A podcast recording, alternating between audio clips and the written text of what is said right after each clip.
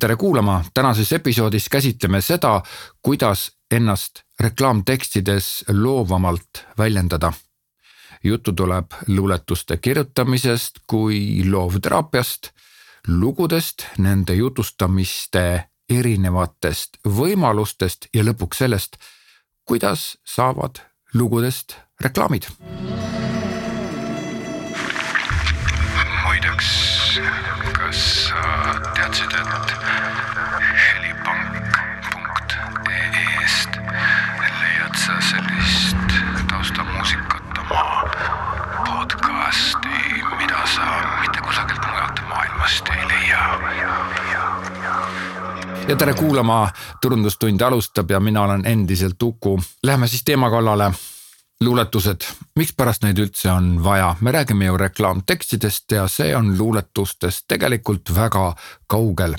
võib-olla mõni reklaamikene meenutab luuletust mm,, aga see on ka väga tönts ja selline eh, lihtsa labida riimiga tehtud. nii et eh, luuletused ja reklaam tegelikult ei tohiks omavahel kokku puutuda, aga tegelikult puutuvad. küsimus on selles, et eh, reklaamtekstides tekib selline olukord, kus sa lähed lukku, sa lähed plokki, sa ei oska kirjutada. Jah, võib-olla teil tuli tiimis jube hea idee, te panite selle idee kokku, võib-olla tuli veel paar-kolm ideed. ja kui te need ideid esitasite, siis öeldi, oh yeah, väga tubli, aga siin pole seda õiget, palun mõtelge veel, töötage veel välja mõni idee. ja see oligi see koht, kus te läksite lukku, teil ei tulnud enam mitte ühtegi ideed vahel on lihtsalt niimoodi, et sa pead midagi välja töötama, sa pead midagi välja mõtlema ja sul ees on tühi dokument, valge paber ja sul tekib valge paberi hirm. täpselt sellistel puhkudel meil ongi vaja loovteraapiat. luuletused ongi sellisel puhul väga heaks loovteraapiaks luuletuse kirjutamisega sinu aju lülitub natuke teisele kanalile ja kui sa kirjutad luuletust, siis sa mm, mõtled teistmoodi, ehk siis sa ei mõtle nagu ratsionaalselt, sa ei mõtle nagu otse, et sa pead nagu kingapoele reklaami tegema ja nüüd sa ütled aga see on äh, väga hea kingapood ja ilma selle kingapoeta ei saa, sa, sa ei, sa ei hakka niipidi mõtlema nagu otse, sa mõtled teistmoodi, luuletused panevad sind teistmoodi mõtlema. luuletuste kirjutamine ei tähenda seda, et sa pead selle luuletuse avalikustama vaid see tähendab seda, et sa kasutad seda luuletuste kirjutamist kui eneseviimiseks õigele lainele. ja kui sa õpid ennast õigele lainele viima, siis luuletusi võib alati kirjutada, aga sa ei pea ka kogu aeg luuletusi kirjutama. luuletusi kirjutades sa õpetad oma aju mõtlema teistmoodi ja see on üks väga oluline koht, sellepärast et aju on võimsam mis tahes maailma arvutist. ta on meeletult võimas relv, aga vahel tekivad lihtsalt aiu plokid, sest aju on nii tark, et ta ka ise teeb omale plokke. aiu tekivad plokid ja luuletus on täpselt see, mis asi aitab nagu mm, reklaamtekstide puhul äh, sellest plokist vabaneda. kuidas siis kirjutada luuletust? näiteks äh, mina pakun välja nagu kaks sõna ja sina lihtsalt mõtle kaasa kaks sõna ja need kaks sõna peavad olema sellised, mis omavahel noh, võib-olla puutuvad, aga nad ei ole nii ilmselge ühendusega. sest et kui sa pakud välja näiteks kaks sõna, näiteks tramm ja pilet, auto ja ratas või pakud välja näiteks mm, firma ja direktor, et noh, siis see, see ühendus on liiga ilmselge. kaks sõna, kuula. kapsad ja punane kast kapsad ja punane kast, mis sa arvad? tundub ilmselge. kõik oleks ju hea, aga see punane kast mm, -hmm. aga okei okay,, hea küll. nii, hakkame luuletust kirjutama, mõtleme, mis asi on kapsas. on ümmargune aedvili, eks ole, seda süüakse. ära nüüd selle söömisega liiga kaugele mõtle, aga jällegi süüakse roheline ja ta on ümmargune jah, aga mis veel ümmargune on? Äh, jalgpall näiteks. okei okay,, ta ei ole roheline, aga no ta on ka ümmargune. ja kui sa leiad kapsale sihukese teise sarnase asja, mis ei ole söödav, aga mis on hoopis jalgpall hoopis teisest vallast, siis see on väga huvitav. näiteks kapsad kui rohelised jalgpallid eks ole, see kõlab juba huvitavalt jah näete, lihtsalt ma ütlesin ühe sõna kapsas ja ma leidsin, et millega ta sarnaneb ja kapsas kui roheline jalgpall. aga ma arvan, et kui sa praegult kaasa mõtled, sa võid ise leida ka palju huvitavamaid eh, sünonüüme, huvitavaid sarnase, sarnasusi ja sarnaseid seoseid. kuidas me selle luule, luuletusega nüüd läheme edasi? punane kast, no tegelikult see on isegi natuke liiga lihtne või liiga loogiline lahendus, aga no kapsad ilmselgelt võiksid ju kastis olla, eks ole. kapsad kui rohelised jalgpallid veerevad robinal punasesse kasti. jah, robinal veerevad, kui kapsas veereb, ta ei ole ju ümmargune nagu jalgpall, aga ta veereb nagu jalgpall ja robinal sellepärast, et kui kapsas veereb, siis ta noh, mööda sihukest mingit laudteed või ma ei tea mööda mida, siis ta teeb sihukest kolisevat häält natuke robinal. kapsad veerevad robinal punasesse kasti aga nüüd kast ja punane kast, nüüd on meil suur häda, mikspärast meil see kast punane on?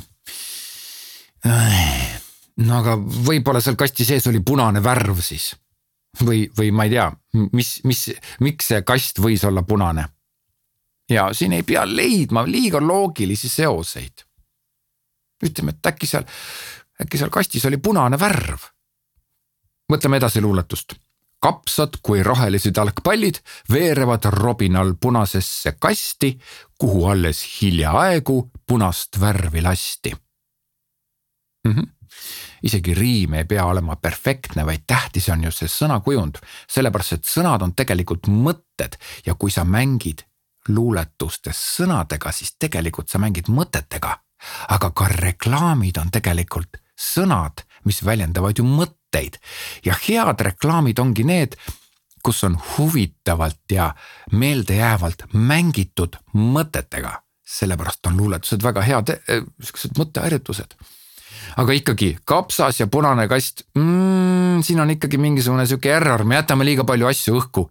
leiame veel neid absurdseid eh, ühendusviise, kuidas me neid kahte elementi saame ühenduda peale selle, et kapsad on kastis aga miks need kapsad tahavad seal punases kastis olla? võib-olla, võib-olla nendele kapsastele meeldib punane, punane värv või ma ei tea. okei okay., lõpetame selle luuletuse ära. ma loen ta ühe korra veel läbi, loen kuni lõpuni.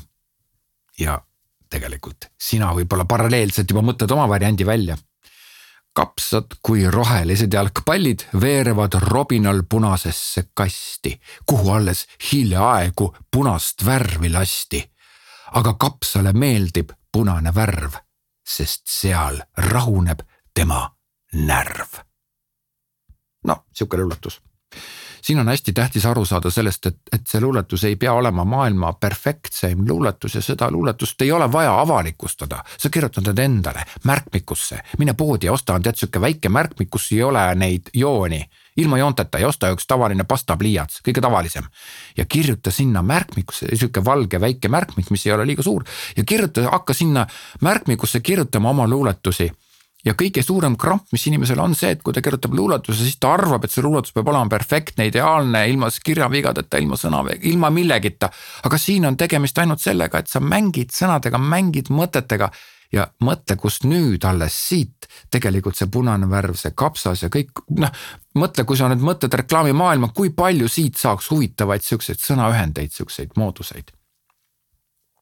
see oli nüüd üks selline väikene näitekene luuletuse kirjutamisest, mis oli siis üks loovteraapia viise. aga äh, reklaam tahab saada ju tegelikult teemat, reklaam tahab saada lugusid ja teemad ongi lood reklaamides. aga mis asi on lugu? see reklaami mõistes on ta näiteks lihtne seik igapäevaelust näiteks hiirtejuust, sihuke juust on olemas, aga hiirtejuust, miks selle juustu nimeks pandi hiirtejuust? Me, me võib-olla ei tule iga kord selle pealegi, et ja, ja hiirtele maitseb juust ja hiired söövad juustu ja, ja hiired ja juust, see tundub kuidagi absurdne asi, eks ole, aga see sobib kokku jah, pool kuningriiki. see on ka näiteks lugu ja kas te panete tähele, et kui ma ütlen hiirte juust, siis ma ei pea teile kogu seda asja ära rääkima, kui ma ütlen teile pool kuningriiki. ma samuti ei pea kõiki asju ära rääkima, see oli ju muinasjutt, eks ole printsess ja pool kuningriiki, see oli palgaks või see oli tasuks, vaevatasuks, kui päästad kuningriigi lohe eest. ja neid on veel. aga tegelikult ei pea olema tingimata mingi Titanic või Die Hard või Teine maailmasõda või Reis ümber maailma, ei pea olema sihuke suur lugu, sest lugusid juhtub iga päev. aga kuidas me need lood siis kätte saame, neid lugusid peab õppima, märkama, märkama jah. Kui sa käid poes, siis lihtsalt pane tähele, mis seal juhtub, kui sa kõnnid tänaval, pane tähele, mis seal juhtub ja väikesest asjast, väikesest seigast saab tegelikult jutustada loo, mis on kõigile tuttavlik ja mida saab kasutada reklaamis. nii et lugude jutustamisel on hästi oluline see, et sa märkaksid neid lugusid, et õpi lugusid märkama. Kui sa poes käid leivaleti juures, kindlasti sa võtad leiba ja hakkad juba minema edasi korviga. kui korraga, no vot, mis seal siis edasi juhtub.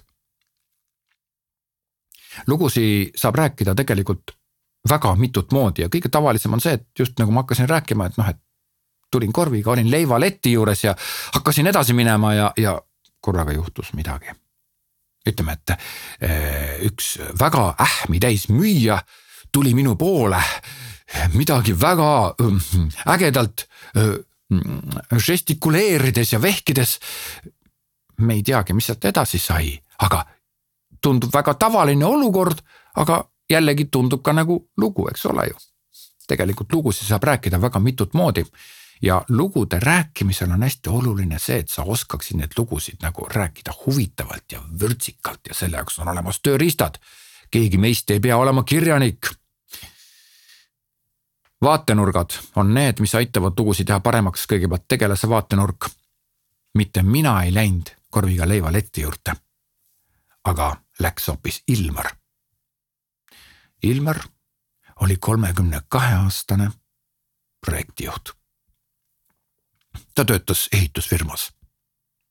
ta oli jõudnud oma perega just poodi ja naised-lapsed läksid vaatama sukkpükse ja midagi lasteosakonda ja Ilmar läks toidukorviga leiva riiulite juurde. kui korraga näeb Ilmar, ehk siis me räägime seda lugu läbi Ilmari tegelaskuju. see annab võimaldab nagu distantseerida ennast, aga samas võimaldab näha kõike, mida Ilmar näeb, võimaldab isegi panna Ilmari, Ilmarile nagu mõtteid pähe. Ilmar mõtles, et äkki on naisterahvas kusagil haigeks, haiget saanud või miks see müüjanna niivõrd ägedalt vehkides tema poole tuli, ehk siis me saame nagu rääkida, mida Ilmar mõtles ja, ja tegelikult see annab ka omamoodi võimalused, et Ilmar võis mõtelda mida iganes teine vaatenurk on olukorra vaatenurk. Tavaline kella viie aegu pood on täis, inimesi päris palju. kes otsib, kes ostab, kes tuleb nutvate lastega just parasjagu mänguasja osakonnast ära. seal teamal on armunud paarike, kes mõlemad mõtlevad, kas osta seda laktoosivaba jogurtit või mitte seal eemal on paks mees, kes äh, võttis väga konkreetse liigutusega ühe juustu. ja nüüd Ilmar just liigub oma korviga, mille ratas kolises natukene. mõnedel korvidel kolisevad rattad ja neid ei tehta korda. kes neid ikka korda teha jõuab, see ratas kolises, ta jõudis just leivaleti juurde. ja haaras sealt leiva äärele. kui korraga kisa läks aina valjemaks ja valjemaks. Ilmar vaatas ringi, ta ei saanud arugi, mis juhtub. no vot, ehk siis olukorra vaatenurk, me kirjeldame olukorda, me vaatame seda poekeskkonda võimalikult laialt, ega see ei pea poekeskkond olema, see võib ka ükstapuha, mis, mis muu koht, kasvõi mets. aga me vaatame olukorda ja olukord on kõige tähtsam, et me kirjeldame olukorda. mina vaatenurk nüüd võiks arvata, et jah, iga kord, kui sa kasutad mina vaatenurka loo jutustamisel, siis peab olema aus, ausalt ja nii-öelda kohtulikult tõestatud, et see oled sina, kes seda jutustab. ei, ei, ei, ei, ei, ei, ei. see on üks kõige suuremate võimalustega üldse. sellepärast, et mina vaatenurk lubab sul minna fiktiivse tegelase sisse, andes talle erilised võimed, erilised äh, nii-öelda mm, isegi väiksed patukesed võib-olla ja erilised sellised õilsad ja ta, ta võib ennast õigustada ja ta võib olla imestunud, ta võib olla kuri, ta võib olla mida iganes. ehk siis sa lähed kellegi inimese mina karakteri läbi, läbid selle väikese teekonna selles loos, reklaamiloos näiteks. tulin just korviga leivaletti poole, sellepärast et naised ja lapsed jäid sinna neid mingisuguseid sukkpükse ja mänguasju vahtima. mul on täiega kõrini sellest. palju see väikene Lisel Marii suudab neid mänguasju vaadata, see on lihtsalt kohutav ja kui teda sealt ära vedada, siis ta hakkab karjuma ja nutma. ja ema on muidugi teine, temale meeldivad, meeldib lastele ilusaid riideid osta, kohutav, mina olen vähemalt see, kes teeb midagigi asjalikku seal poes. no muidugi tulin ma korviga ära sealt, mõttetu mänguasjad on niikuinii üle makstud, liiga kallid, plastmassist mingisugused jullad, eks ole. ja okei okay,, nad lastele meeldivad, aga miks neid nii palju peab olema, ma ei saa aru. No okei okay,, ma jõudsin oma korviga sinna leivaleti juurde, teine jälle sihuke koht on ju. üks on seemnetega, teine on ma ei tea millega. no ma tean, et meie siin peres peame ostma ruksi leiba sellepärast, et tunamullu, kui ma ostsin ühe korra seemnetega leiba, ma ei mäleta, mis selle nimi oli siis. naine ei rääkinud minuga kaks õhtut järjest. Need seemned olevat teinud teda tusaseks. Ütles ta pärast, ma ei tea, mida see tähendab, igal juhul ma ostan alati seda ruksi leiba, no vot, lähen mina siis eh, nii-öelda pere ainukese sihukese toidutoojana leivaleti juurde, kui korraga kuulen meeletut kisa ja karjumist ma mõtlesin, mingi narkar või mingi joodik on kusagil juhtunud tal midagi või jäi vargusega vahele või ei, ei, ei, see oli see müüja, jah, naisterahvas. kusjuures veel jumala normaalne tšikk, päris äge tšikk. nüüd, no nii. Ühesõnaga mina vaatenurk ja mina pakun siin välja veel ühe vaatenurga. Personifikatsiooni, jah. personifikatsioon tähendab seda, et sa võid mis tahes elutule esemele anda ju korraga mõtted anda käigu. Ja loomulikult see võimaldab rääkida temal lugusid nii, kuidas sa läbi ühegi inimese karakteri ei saa rääkida, sellepärast et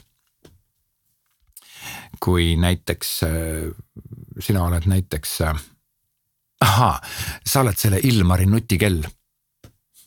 mina olen I watch, ma olen kellade kuningas okei okay,, okei okay., nutikellade kuningas.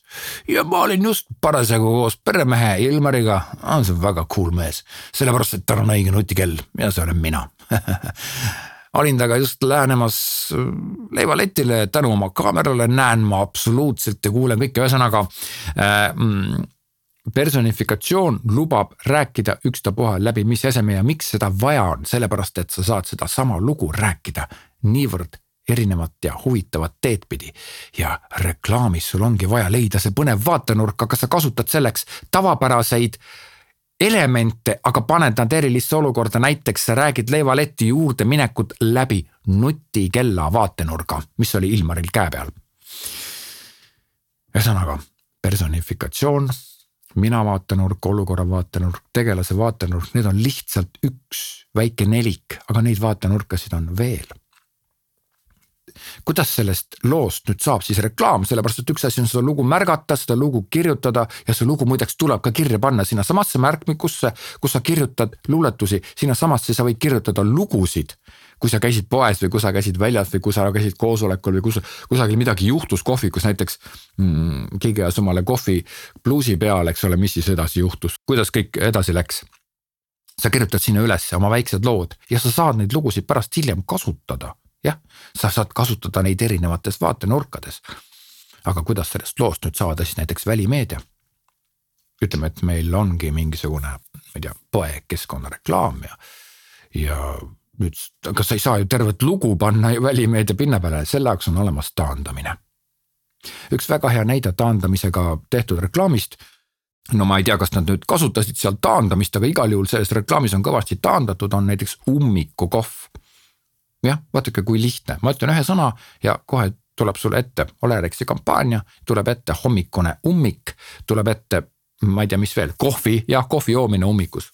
See on üks väga hea reklaam. Ja õudselt hea näide siia, sellepärast et ta jutustab tegelikult pika loo, et sul on hommik, sul on ummik sellepärast et sa pead autos istuma, sa oled ilmselt natuke närviline, sa tahaksid hommikul midagi värsket saada, sa võtad kohvi ja jood seal ummikus kohvi, ehk siis sa oled autoga ummikus ja jood kohvi, ehk siis siit võiks seda lugu edasi veel rääkida, aga ma, aga see siin reklaamis on ta öeldud ära ühe sõnaga, ehk siis siin on tegemist taandamisega, jah. Kuidas see taandamine käib? see käibki nii, et sa tood loost välja olulise, jah pool kuningriiki on tegelikult ka taandamine ju. sa tood ühe erksa osa välja, aga kõik teavad, mida see tähendab ja see ongi see point. sa taandad lugu sedasi, et kõik teavad, mida see tähendab, aga sa ütled ainult kaks sõna. ja nüüd sa saad aru, et tegelikult kui sa jõuad sellise kahe sõnani, mis, mis tähendavad tegelikult nii palju, siis sa ei saagi neid otse välja mõtelda, vaid sa pead lähenema ringiga. sa peadki mõtlema lugudest, sa pead mõtlema luuletustest, sa pead mõtlema kõiges nagu, nagu teistmoodi, sa pead oma ajule andma ülesande, hoopis teise ülesande. ja lugude taandamine ongi mm, midagi sellist, mis toob selle, võtab selle teema siis kokku ja mina võtan kokku tänase episoodi. kas sa said siit targemaks, kas see tekitas sinust huvi? ja miks ma seda küsin, sellepärast et online.opime.ee on täpselt selline koolitus mul olemas. ja kui sa selle koolituse läbi teed, siis see koolitus annab sulle needsamad asjad kätte, ma räägin seal koolituses võib-olla natukene pikemalt, natuke põhjalikumalt sedasama teemat ja ma annan seal koolituses sulle ka võimaluse ise kaasa kirjutada, igal juhul, kui sulle pakub huvi, siis kindlasti online.opime.ee, mine vaata ja uuri seda koolitust, aga ole loominguline, kuula erilist muusikat ja kohtumiseni